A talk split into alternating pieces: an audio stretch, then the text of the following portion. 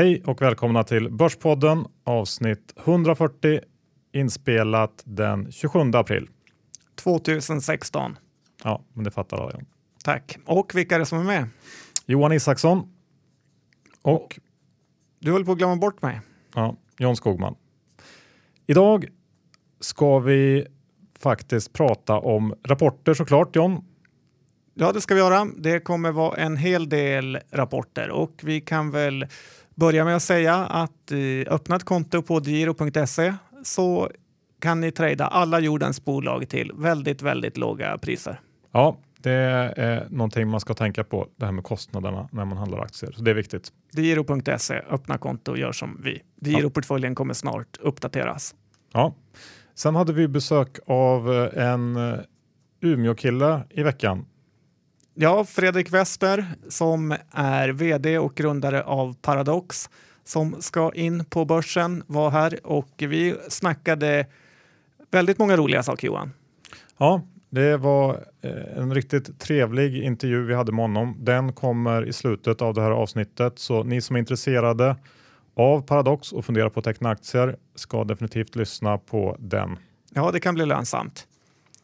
Och Johan, sen har vi såklart ett meddelande från Lendify.se. Yes, Vår egna peer-to-peer utlånare vi har i Sverige.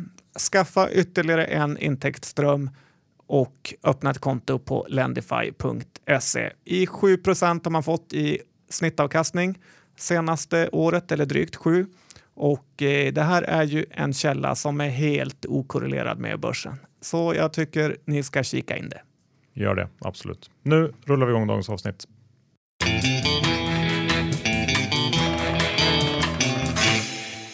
Johan Dr. Bass Isaksson, index är kring 1391 och eh, vi ser en lite halvslö börs och eh, de senaste rapporterna har inte varit jätteroliga och tradade och det inte rört sig så fasligt mycket. Men hur är din känsla för helheten?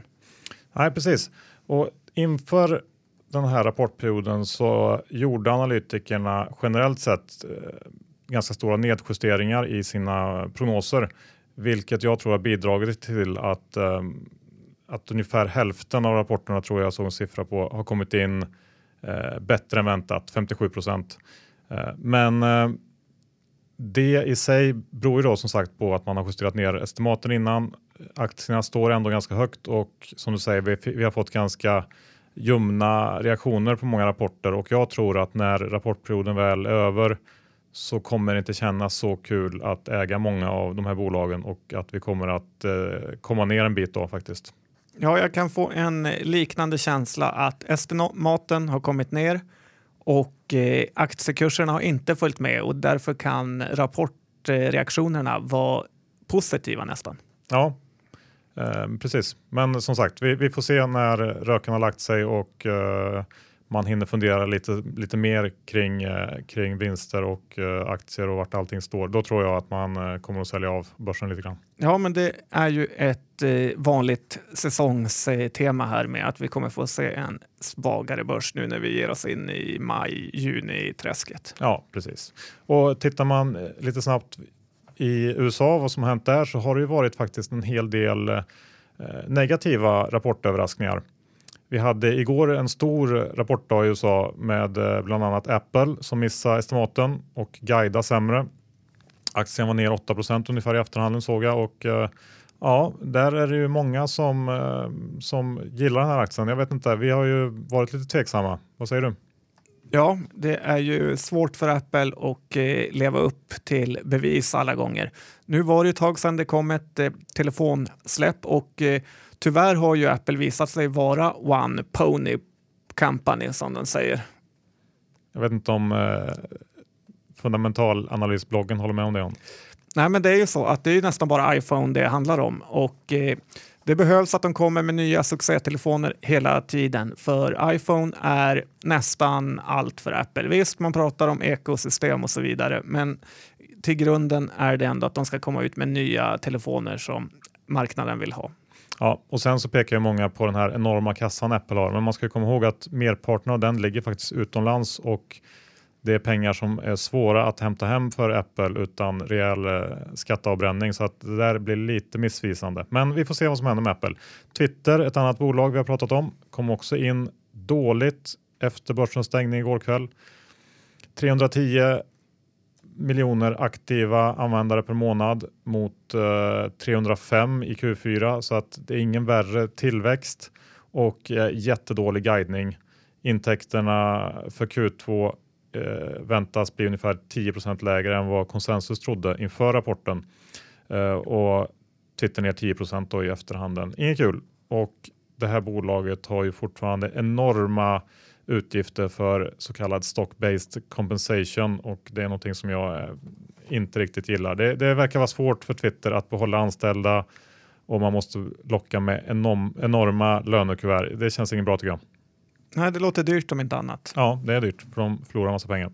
Så att den där aktien tycker jag man kan hålla sig undan och vi kanske ska säga några ord om Chipotle också som ju vi har pratat om eh, i podden från tid till annan. Ja, vi gjorde ju en väldigt fin eh, bottenplockning av den, men igår kom en rapport som inte var så gosig. Nej, precis. Vi eh, sa ju att den här kan man nog köpa in när de hade sin eh, E. coli-katastrof här för några månader sedan och då studsade aktien också upp ganska mycket. Men Eh, nu får man se vad den här eh, E. coli-historien har kostat dem och eh, försäljningen var ner nästan 30 procent och de gjorde faktiskt sitt första förlustkvartal som noterat bolag, vilket ju inte är så kul. Eh, det är ett bolag som har det tufft nu helt enkelt. Kan säkert vara intressant på lång sikt, men eh, värderingen är ju fortfarande hög och eh, ja, den, eh, den innebär att bolaget måste växa för att eh, den ska hålla lite grann. Så att den här aktien kan nog också bli ganska tråkig ett tag framöver. Ja, det låter det som. John, du har kikat på fondbolagen den här veckan. Ja, jag har gjort en liten granskning av de stora övervinster som jag ändå måste säga att fondbolagen sitter på. Det borde finnas en stor marknad i Sverige för antingen ETFer eller konkurrenter till de här fondbolagen har jag kommit fram till. Och eh, man får ju komma ihåg att Sverige har mycket att tacka våra fondbolag för. Robur och Swedbank som alltid är hackkycklingen är ju kanske grunden till att eh, så många svenskar har ett fondsparande och har fått ta del av den fina värdestegringen som vi har sett eh, på börsen de senaste 30 åren i och med deras allemansfonder. Men nu tycker jag att det här börjar bli en bransch som man kan kalla fat and happy. Det vill säga att de tjänar oändligt mycket pengar utan att kanske behöva prestera så mycket längre. Så Johan, ska vi ta oss en liten titt på fondbolagens vinster? Ja, varför inte? Om vi börjar med Didner och Gerge så hade de en omsättning förra året på 266 miljoner och en ren och skär vinst på 160 millar. Då får man också räkna in att varje anställd på bolaget tjänar cirka en mille per år. Didners flaggskepp är ju deras Sverigefond som ligger med förvaltat kapital på en bra bit över 30 miljarder med en avgift på 1,2 procent. Och det här låter inte så mycket, men det betyder att det är nästan 400 miljoner rakt ner i fickan i avgifter varje år som de tuggar i sig. Ja, det är ju mycket pengar såklart. Men eh, ja, vad har du mer då? Sen har vi Carnegie Fonder som också har en megastor fond och eh, här drog de in 2013 100 miljoner kronor och då tjänar också varje anställd på hela fondbolaget då cirka en mille per år. Så här har vi också ett bolag som rakar in kronor som heter Duga. Men sen Johan har vi klassens värstingar. Det ena den första värstingen är Lannebo Lannebofonder. De drar in 225 millar per år i vinst bara och varje anställd tjänar nästan 2 miljoner. Och även Reman Fonder som har blivit lite av en snackis i hur bra och det har gått för honom och eh, det bolaget tjänar 269 miljoner i vinst Johan. Så att det är rejäla pengar. Sen har vi utmanarna, Klients fonder som bara tjänar 4 miljoner per år och där varje anställd verkar ha ungefär halva lönen. Och eftersom alla de här bolagen har olika fonder så går det inte riktigt att göra någon jämförelse mellan hur fonderna har gått och vilken avkastning man har fått. Men huvudpoängen är att det är väldigt, väldigt bra lönsamhet för ett fondbolag när man börjar komma upp i storlek och att det borde finnas utrymme för avgiftssänkningar. För alla de här pengarna som bolagen tjänar kommer ju faktiskt från spararna. Sen kan man ju argumentera för att det är ett ganska litet pris att betala 1,2 procent för att få vara med på en fantastisk resa. Men det är en eh, tankeställare tycker jag. Absolut John, och det är väl eh, som du är inne på lite grann en konsekvens av eh, att det har blivit så mycket svårare att starta upp en fond idag jämfört med för kanske tio år sedan. Så att det blir de stora som eh, klarar det och kan driva runt ett fondbolag och då leder det också till kanske lite övervinster. Ja, det var en bra slutsats Johan. Ska vi titta lite på sportvärlden? Ja, vad händer där? Under Armour har haft en tung vecka då först Steph Curry blev knäskadad och kan missa hela slutspelet och han är ju en av Under Armours superprofiler.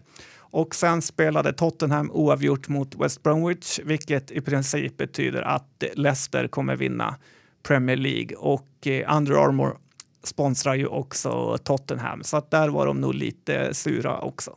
Och hur är det med den lilla kryptovalutan eh, bitcoin? Ja, jag tänkte att det kan vara läge att eh, göra en liten update. För lite under radarn så har bitcoin faktiskt gått riktigt bra sista veckorna och är nu uppe på årshögsta nivåer. Och jag eh, kollade lite med vår kompis eh, Ludvig Öberg som vi har haft med i podden vad det här beror på och han eh, meddelar att eh, dels så har faktiskt eh, Steam, den stora spelportalen eller vad man ska kalla det, börjat acceptera bitcoin för sina spel, vilket är såklart en stor eh, grej för eh, bitcoin-communityt. Ja, det låter ju spännande. Svårt att se hur det ska röra bitcoinen uppåt så mycket, men Nej, men eh, det är väl de små grejerna som gör det John. Dessutom så har den här oron kring eh, bitcoins skalbarhet lugnat ner sig lite grann, för det verkar som att eh, man kommer rulla ut någon slags ökning av den här transaktionstakten här under sommaren, hösten och det är ju någonting som måste ske för att det ska kunna bli någonting stort av det här. Och ja, helt enkelt rulla på som det ska och priset på bitcoin har stigit i takt med det.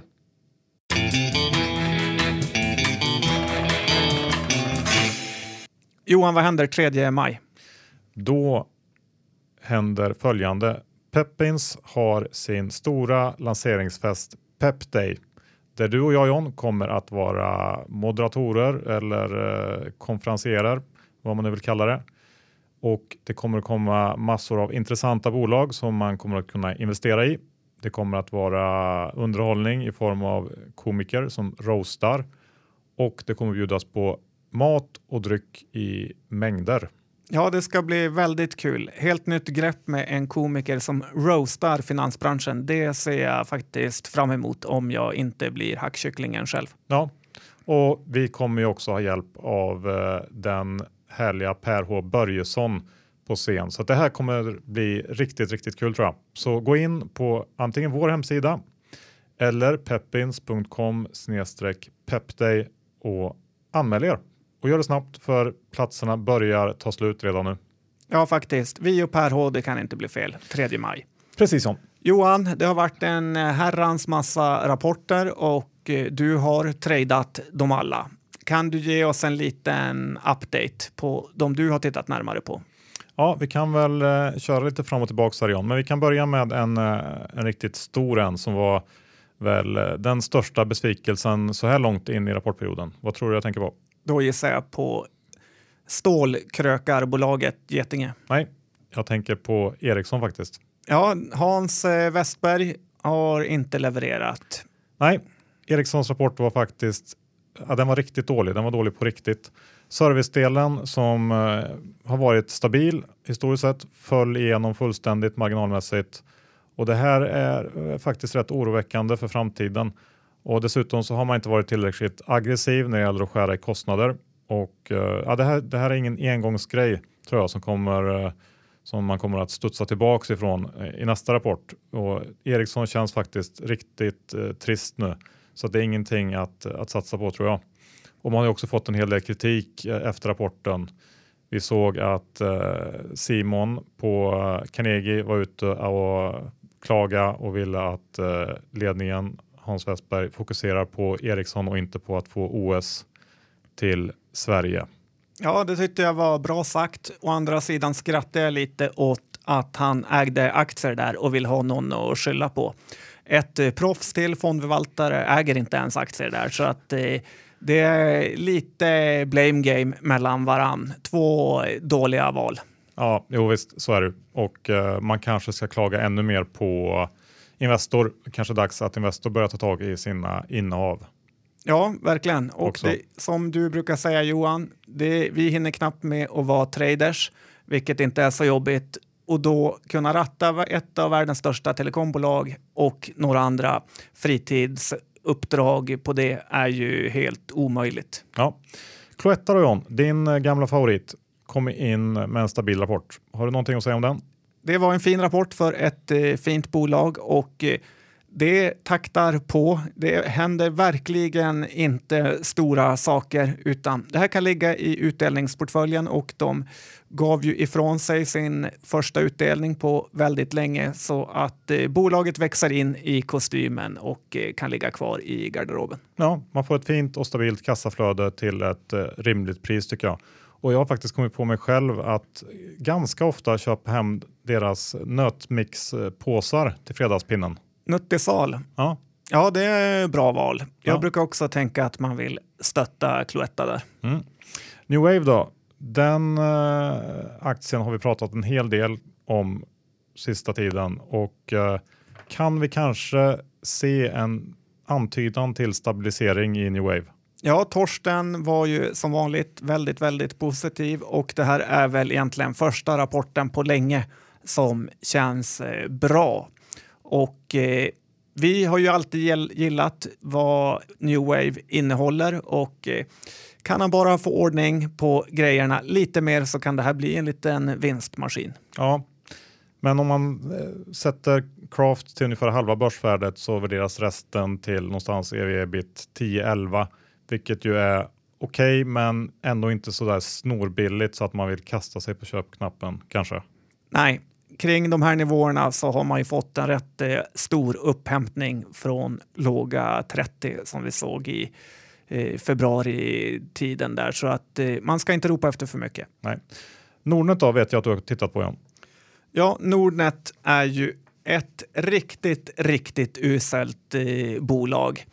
Vi har länge varit kritiska till det här bolaget och det med rätta. Det är nästan lite skrämmande hur mycket Nordnet har i kreditförluster. Varje kvartal förlorar de 10 miljoner bara i kreditförluster då. och det är ju väldigt, väldigt mycket pengar i förhållande till Nordnets eh, storlek.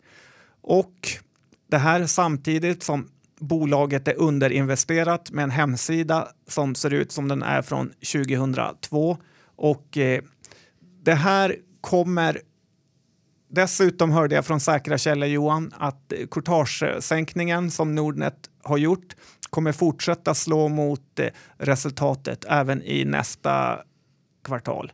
Så lägg till ett DeGiro som bara blir bättre och bättre samtidigt som Avanza blir allt mer dominant.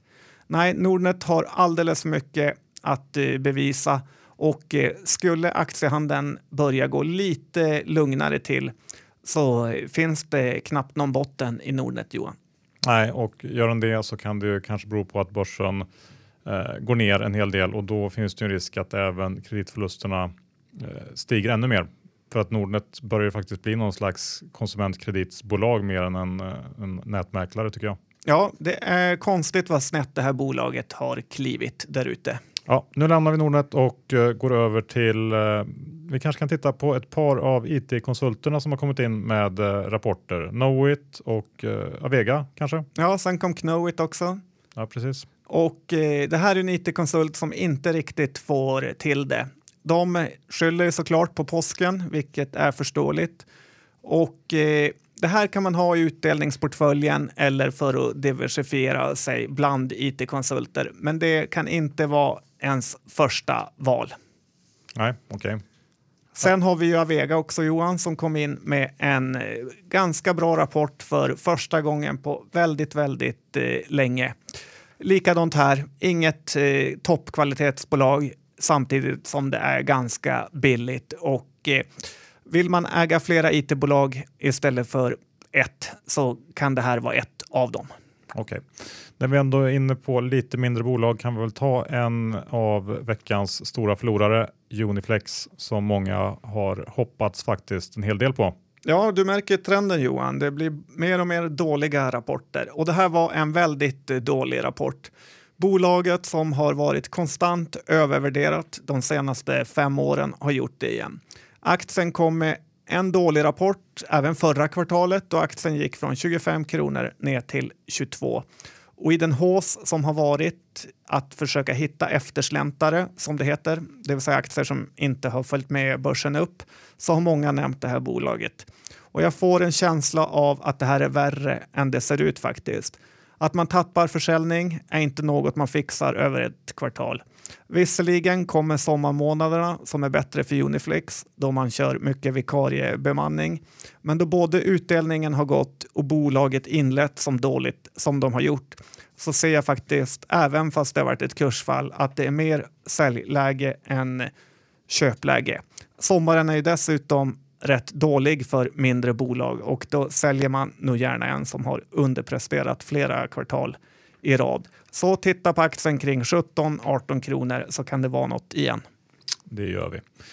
Ska vi ta ett litet verkstadssvep? För vi har haft eh, en del av verkstadssektorns eh, tungviktare som har rapporterat. Volvo är väl det stora glädjeämnet inom verkstad som eh, kom in över förväntan och eh, det var väl det bolag jag var lite positiv till inför.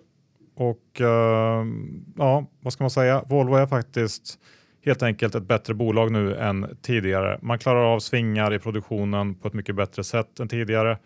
Eh, bolaget är mer flexibelt och har bättre koll på kostnader. Eh, och det visar man ju på sättet man parerar den här stora produktionsminskningen i USA under det här kvartalet. Och håller börsen i sig så kanske man kan hitta några kronor till i den här aktien. Eh, den står runt 100 lappen nu. Men jag håller nog fast vid att potentialen ändå känns relativt begränsad om man har eh, min typ av lite mer realistiska konjunktur och tillväxtsyn. Ja, men det var bra av dig att plocka den som vinnare i all den här bäsen. Och sen har du något fler verkstadsbolag? Sen eh, har vi Sandvik eh, som ja, de prickar väl i princip marknadens förväntningar och eh, klarar av det här hyggligt med tanke på att det är en ganska tuff, tuff, eh, tuff miljö man verkar i. Eh, marginellt sämre än prognoserna och eh, det man kan säga är väl att Sandvik har gått eh, väldigt starkt inför och värderas nu till kring P20 på, på innevarande år, P18 kanske på nästa år om det blir som analytikerna tror.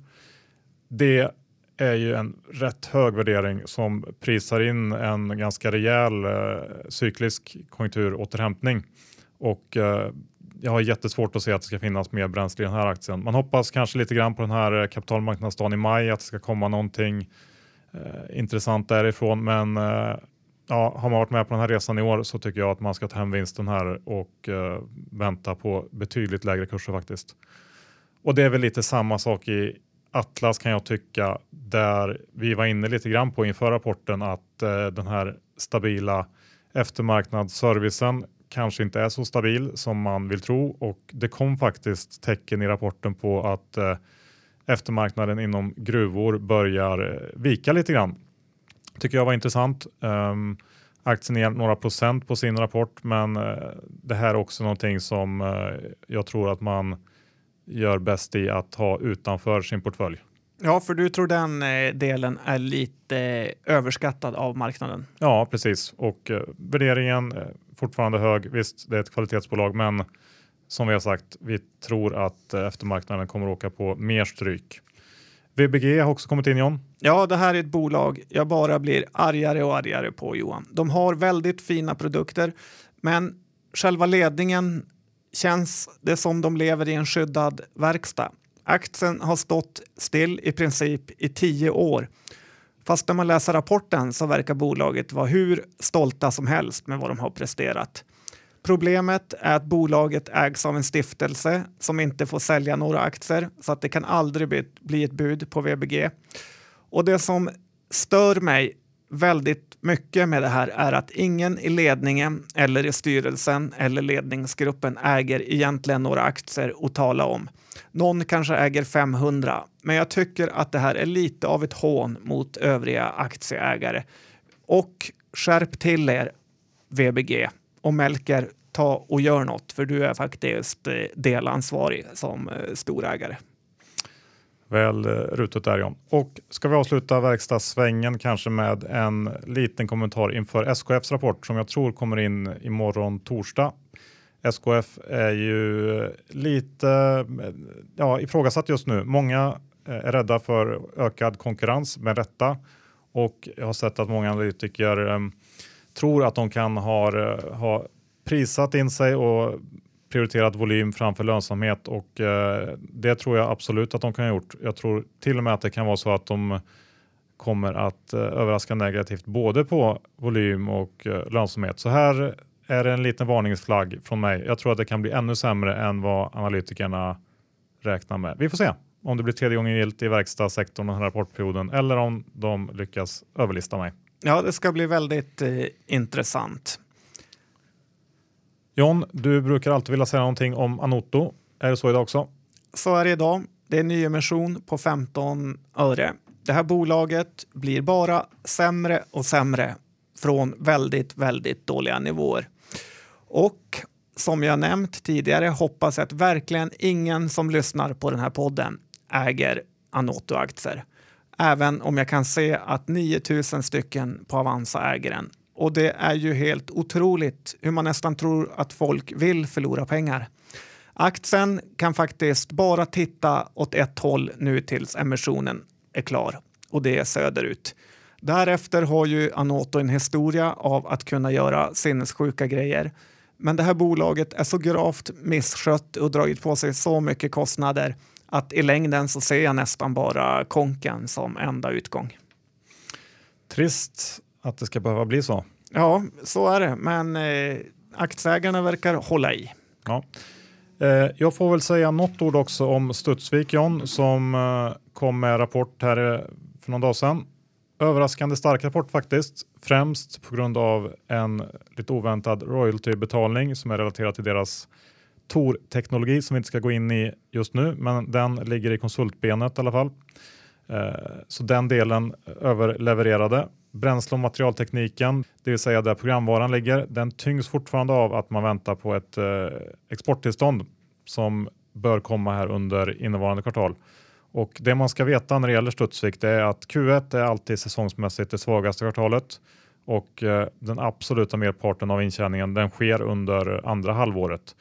Tittar man eh, bara enkelt på vad rullande ebit ligger på nu så är det 50 miljoner för kvarvarande verksamheter.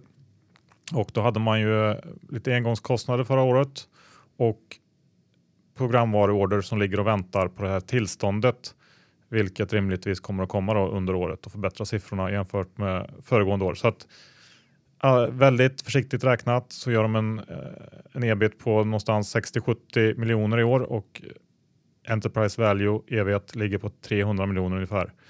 Så aktien kring 50 kronors nivån handlas på ev ebit 4-5 vilket ju är alldeles för billigt för en sån här tillgång. Ja, för kvalitetsaktier är ju svårt att säga, men det är väldigt kul att du har hittat något eh, köpvärt. Ja, då och då gör man det. Ska vi också säga någonting om Nobina, John, bussbolaget? Ja, jag tänkte ge dig några trevliga rapporter också och eh, Nobina kom in med en fin rapport idag, även om det finns en hel del störande engångsposter i och med börsnoteringen så tycker jag ändå att det här bolaget börjar visa upp sig från sin bättre sida. Det här kan bli en bra utdelningsaktie fram till utdelningen avskiljs för att den är hög. Och eh, jag får faktiskt sätta upp eh, tummen upp för Nobina just nu Johan. Ändrat lite åsikt där alltså? Ja, lite så, men det ska man ju göra som trader. Sen har vi Thule takräckes, takbox och diverse biltillbehörshandlaren kom också med en fin rapport. Och jag känner från botten av min tå här Johan att Nordic Capital snart kommer sälja ut allt man har här. Jag tycker hela aktien andas placing och det är då man ska kliva in, inte nu. Okej, okay. ja. Och det sista köpvärda bolaget som jag har hittat är ju Djös. Det här börjar bli mer och mer en favorit för mig. Norrländska fastighetsbolaget verkar göra allt i sin egen takt. Inte stressa fram förvärv, inte stressa fram förvärv, inte maximera utdelningen utan helt enkelt bygga långsiktigt. Bolaget tjänade 1,80 i Q1, vilket på en aktiekurs på 60 kronor inte är särskilt dyrt. Då får man komma ihåg att en nästan obefintlig del var uppskrivningar av fastigheternas värde. Så att det här är faktiskt eh, ganska billigt. Det negativa är ju att om räntorna börjar höjas från verkligen, verkligen bottennivåer så kommer det här drabba hela fastighetssektorn. Men så länge inte det har hänt är det här väldigt intressant. Tack John. Med de orden så avslutar vi den ordinarie delen av veckans avsnitt. Men stanna kvar för det finns en riktig godbit kvar. Vi hade Paradox Interactives vd Fredrik Wester på besök här hos oss i Börspodden-studion i veckan och uh, den intervjun kommer nu.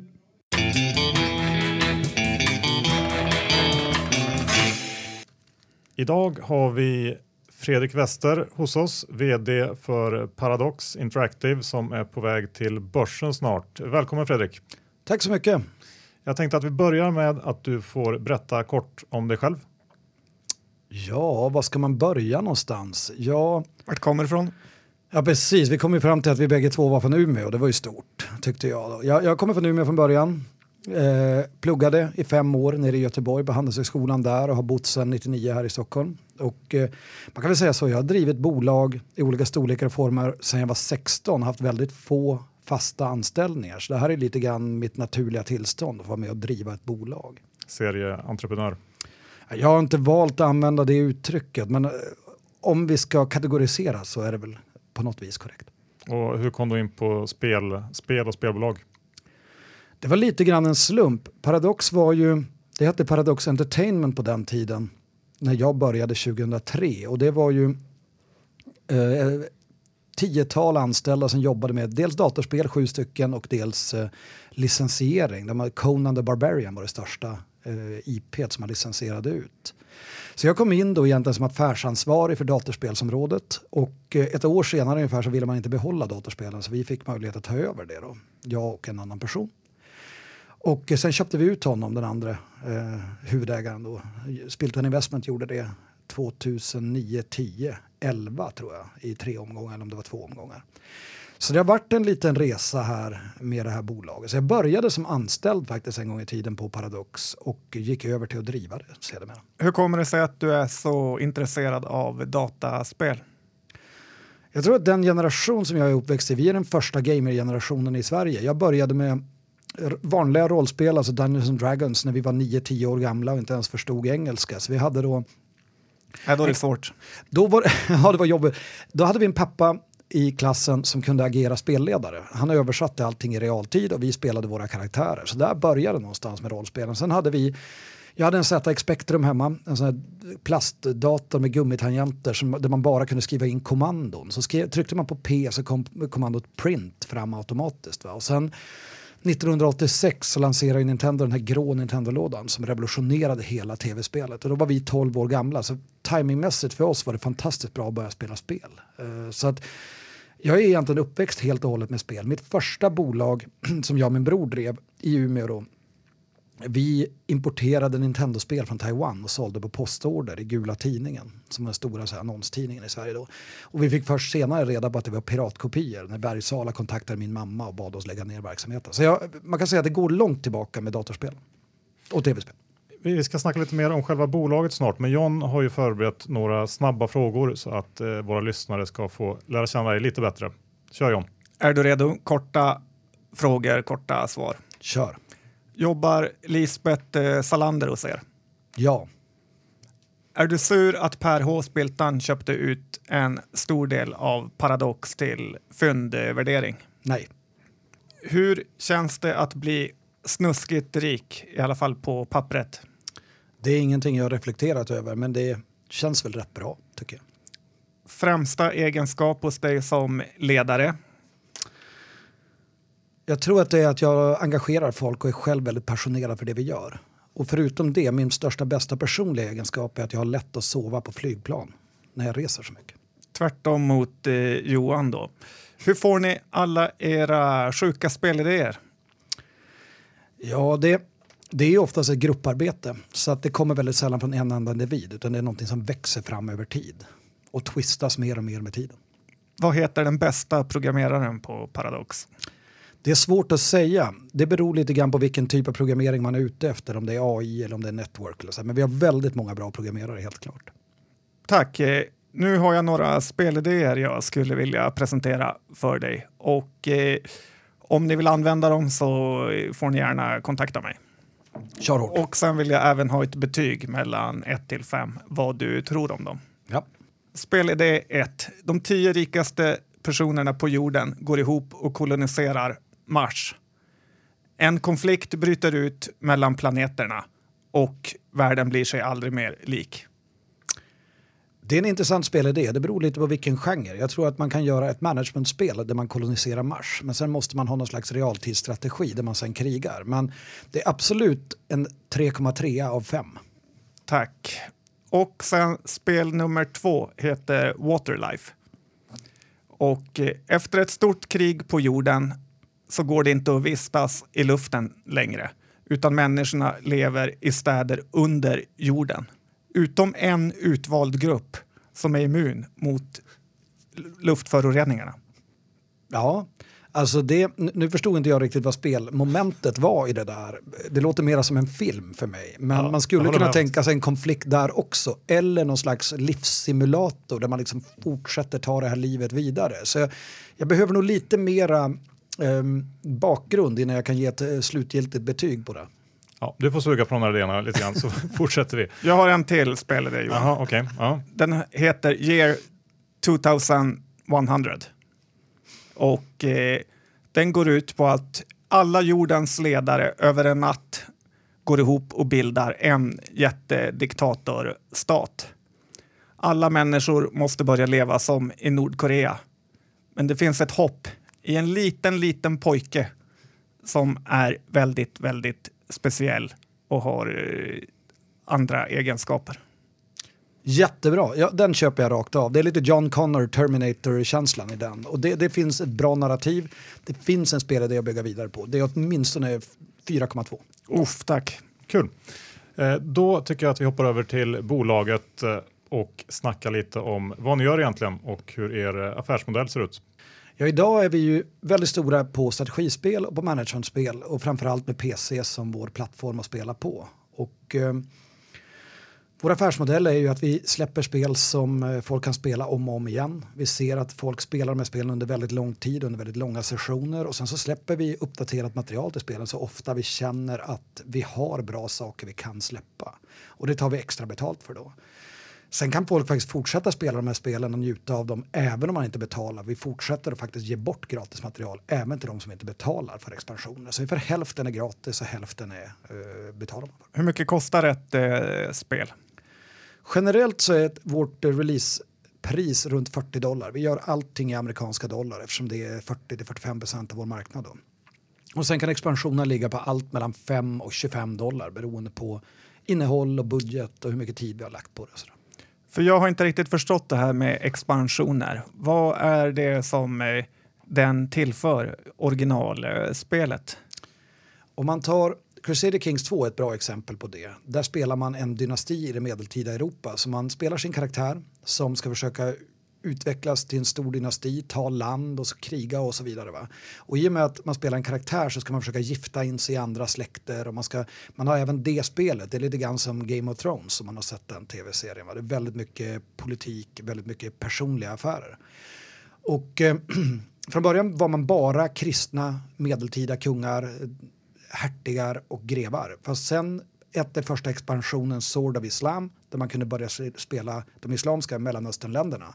Sen kom uh, The Old Gods där man kunde börja spela zoroastrianer i Mellanöstern också eller till exempel vikingar här i Sverige. Så då kunde man spela Ragnar Lodbrok till exempel och andra historiska personer i vissa scenarier. Så då expanderade vi även tidslinjen. Det första spelet började 1066 efter slaget vid Hastings. Och uh, Old Gods börjar någon gång i mitten av 700-talet. Så det finns olika sätt att göra expansioner. Man utökar i tid, man utökar i, i, i djup och sådär. Och på så sätt får man då en följarskara som man ja, kan tjäna pengar på under en längre period.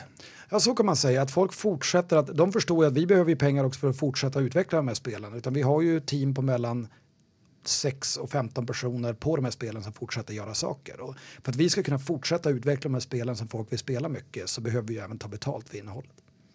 Kan man även köpa saker inuti spelen eller är det bara själva spelen och dess expansions som man kan köpa? Man kan köpa, vi har utvecklat det här lite grann så att folk som vill ha lite finare grafik eh, och lite bättre, snyggare skepp kanske i spelet kan köpa det. Vi har olika porträttpack till exempel, men man kan också köpa musik. Vi gjorde Europa Universalis 4 då, som är vårt renässansperiodspel. Där, gjorde vi, där tog vi vårt soundtrack och så gjorde vi om det till eh, en hårdrocksvariant och döpte den till Guns, Drums and Steel. Och den delade communityt helt. Att 75% tyckte att det var helt fantastiskt och 25 tyckte att det var det värsta de någonsin har hört. Men då är det bra för det är frivilligt om man vill köpa det och ha det som musik i spelet. Men vi experimenterar lite med saker som och kollar vad folk vill ha helt enkelt. Och sen fortsätter vi lägga tid på det folk gillar. På den gamla goda tiden eh, när man spelade Amiga och liknande så var ju piratkopiering något eh, som eh, speltillverkarna inte gillar. Hur är det med det för er? Piratkopiering är fortfarande en ganska stor del. Vi har ganska många som piratkopierar våra spel har vi sett. Men det är en minskande andel i takt med att eh, vi ger bättre service till spelarna. Vi knyter mera saker till faktiskt att man är att man ska äga spelet. Annars kan kan man till exempel inte få achievements i spelet. Alltså att man, man får olika medaljer för saker man har gjort. Att man kan skryta för sina kompisar. Alltså den sociala faktorn när man spelar ett spel är ju delvis att dels är det självtillfredsställelse men en del är ju skrytfaktor också. Man vill till exempel visa på highscore-listan var man är. Vi har ju tagit in highscore-listor för alla våra Grand Strategy-spel nu då. Och, eh, eller i alla fall Europa Universalis ska jag säga. Och eh, det går inte att göra om man inte har en originalkopia av spelet. För det är kopplat till våra servrar när man spelar. Så att det handlar ju delvis om att få folk att vilja betala och tycka att det är värt att betala för ett spel. Så att piratkopiering är ingenting vi lägger tid och kraft på att bekämpa i dagsläget. Kan du inte kort bara säga vilka spel ni har som är heta just nu och som ni tjänar pengar på? Ja, det är City Skylines var ju förra årets stora hit som vi har sålt över två miljoner ex av hittills som ett stadsbyggarspel. Vi, Simcity liknande? Ja, det, Simcity är en direkt konkurrent till City Skylines kan man säga då. Eller man kan säga att City Skylines förhoppningsvis är en förbättring av SimCity-serien. Det är så vi väljer att se på det givetvis, självgoda som vi är då. Men sen släppte vi Pillars of Eternity som är lite ett old school rollspel som påminner om vad Baldur's Gate var 1998, 1999 då. Vi sa att det var en naturlig uppföljare till Baldur's Gate. Vi har även Europa Universalis 4 och Crusader Kings 2 som är några år gamla men fortfarande har en väldigt trogen följarskara och väldigt många som spelar varje månad. Så det är väl de fyra. Vi har Knights of Pen and Paper mobilt som fortfarande gör rätt bra siffror också. Där man spelar en grupp rollspelare, så det är som ett metarollspel. Um, men sen har vi då fjärde utgåvan i serien Hearts of Iron som är ett andra världskrigets spel som kommer i juni och eh, Stellaris som kommer den 9 maj som ska bli spännande att se också. Det måste ju vara otroligt hård eh, konkurrens. Bara på börsen finns det här i Sverige några speltillverkare och eh, de har ju svajiga resultat. Men hur gör ni för att eh, sticka ut?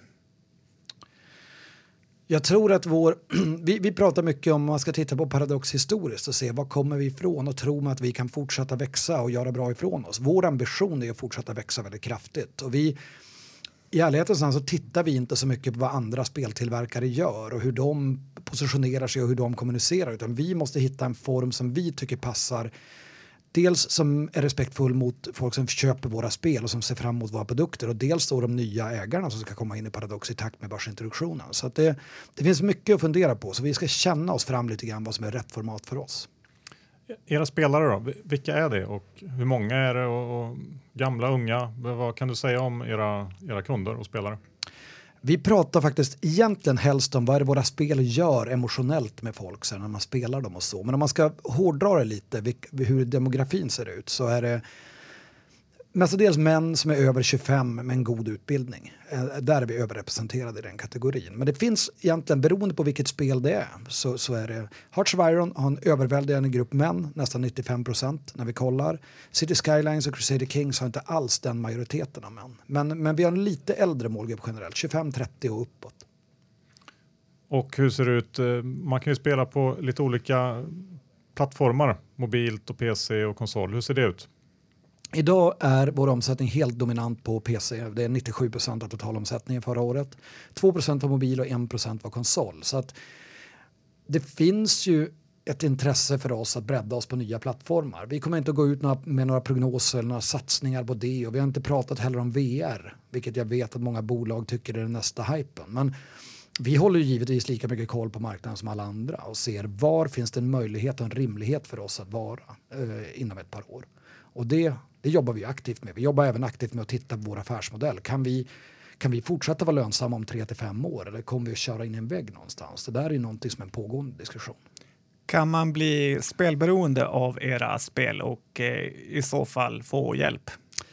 Det råder fortfarande en, en, en, debatt huruvida spelberoende är ett faktiskt beroende eller om det inte är det. Men det är klart att väldigt många spelar väldigt mycket spel. Våra spel är dessutom väldigt hög engagemangsprodukter så att folk kan spela dem i tiotals timmar i sträck. Och det är klart att ingen ska ju sitta och göra det. Vi har sagt att man ska spela i tre timmar, sen kan man gå ut och ta sig en macka och en promenad kanske. Så får man börja om dagen efter. Så att det är precis som med allt annat som är kul, det kan vara eh, alkohol och det kan vara sex och det kan vara massor med grejer. Så, så en normala doser är det bästa sättet och det vi kan rekommendera. Eller jag ska inte rekommendera något om alkohol och sex, det får andra göra. Men, men det är samma princip som gäller för datorspel också. Att det, det som är roligt ska man inte bara överkonsumera. Johan kanske har någon rekommendation om det? Nej, det har jag inte. du, det har ändå varit en fantastisk framgångsresa det här. Vad, kan du liksom bena ut lite vad, vad, varför har ni lyckats så bra? Och finns det någonting som ni kan på något sätt ta fram och använda framöver också? Något slags framgångsrecept där som, som gör att ni kan följa upp de här framgångarna i nya spel? Jag tror ju att den stora framgången för Paradox är att vi har lyckats attrahera väldigt bra folk och att vi har behållit väldigt mycket duktiga människor också som är med och driver bolaget framåt. När man som jag är galjonsfiguren för ett bolag så får man ofta stå i centrum, man får ofta vara den som gör presentationer, man får ofta vara den som tar emot allt beröm och alla priser man får när det går så bra. Men vi har ju ett team på åtminstone 15-20 personer som utgör en kärna i bolaget som är oerhört viktig för bolagets framtid. Och det är också väldigt viktigt att lyfta fram i det här. Att det är, det här är inte bara jag. Jag har haft en stor del av visionen under många år men idag är vi ett stort team som lyfter det här bolaget och som ser till så att vi håller en hög fart framåt.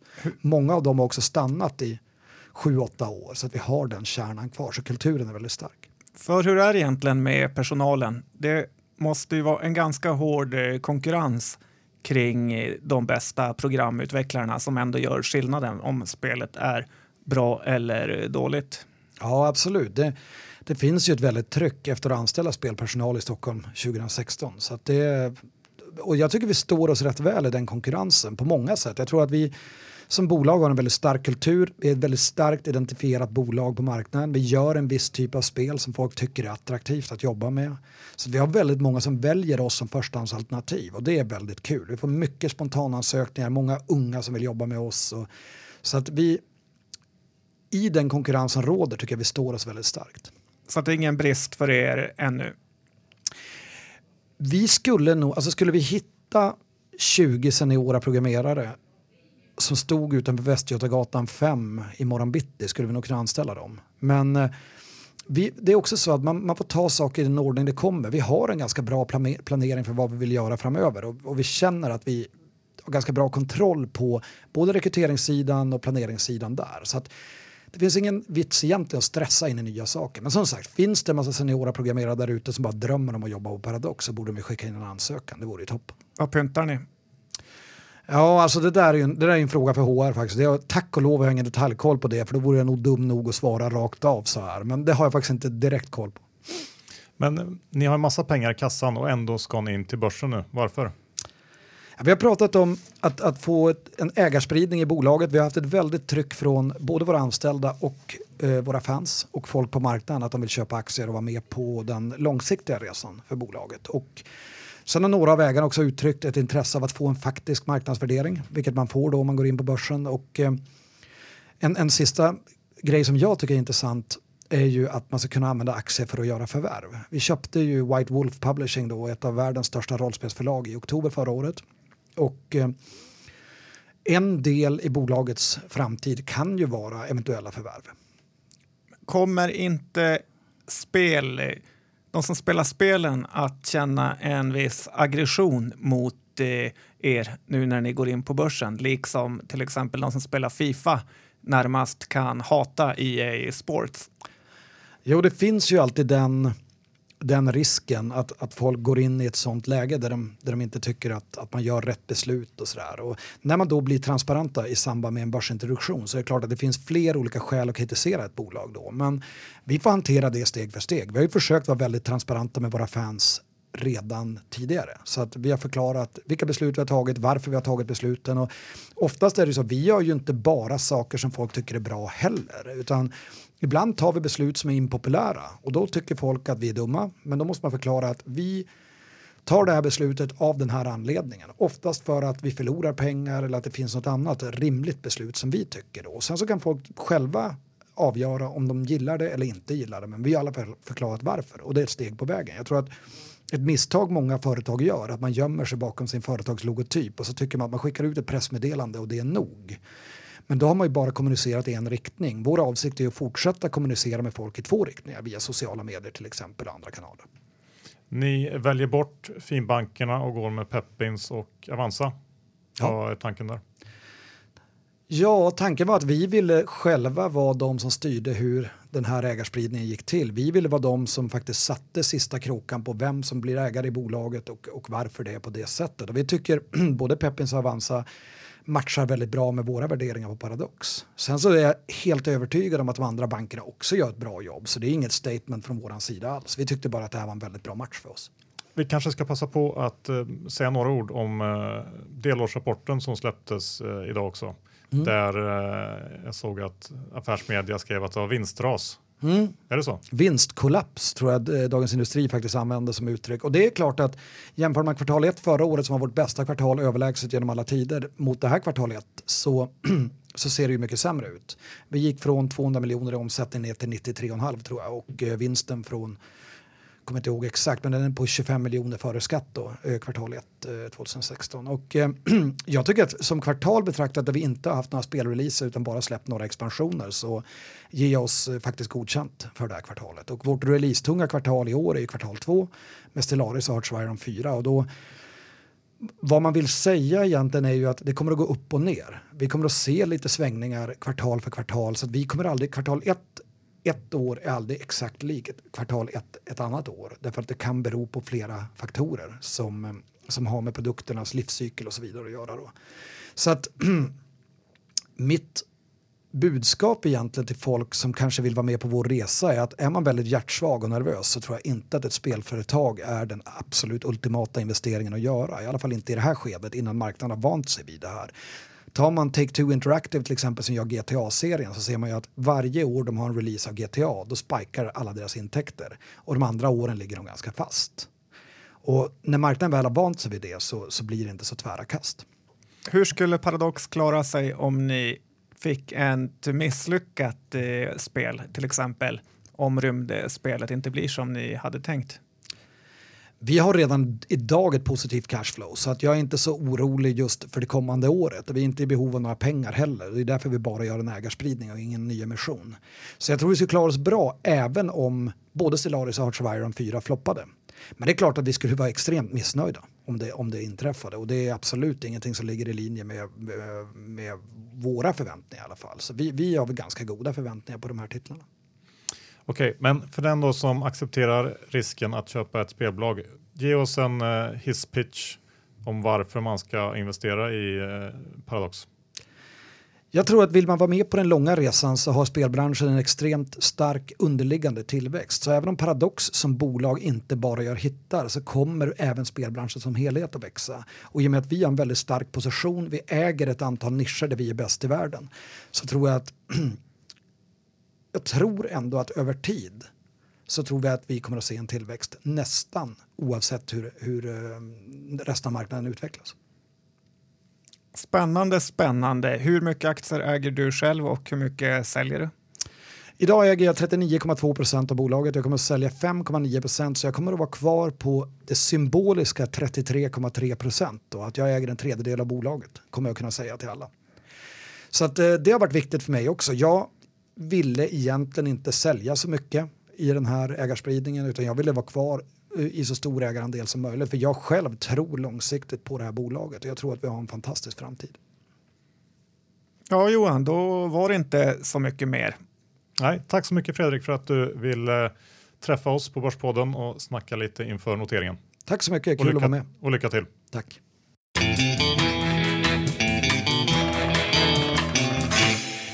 Tack för det Fredrik. Du vet hur man kommer från ingenstans och blir något. Jag ska försöka lära mig lite av det. Ja, det är imponerande. Och tack eh, DeGiro för att ni sponsrar vår fina podcast. Tack, tack. Lendify. Tack ni också. Ja, det är ju inte mycket annat att säga. Nej, och missa inte den här Pepday som ni kan anmäla er på www.peppins.com pepday. Det kommer bli, ja, kanske århundradets, om inte i alla fall decenniets största finansevent. Ja, gillar man öl, aktier och oss, då måste man komma. Lite så är det. Har vi några innehav i veckans avsnitt bland de aktier vi har pratat om? Jag har ju Studsvik, vilket nog framgick. Hur är det med dig John? Jag har lite Nobina faktiskt. Jag har fått ta stoppen på mina Uniflex. Och du har ju som sagt lurat in mig i Studsvik på grund av den låga värderingen. Så att jag håller dig accountable där. Mm, kan du göra. Bra, då tackar vi så hemskt mycket för att ni lyssnade så hörs vi om en vecka och syns på Pep Day. Tack och! Hej!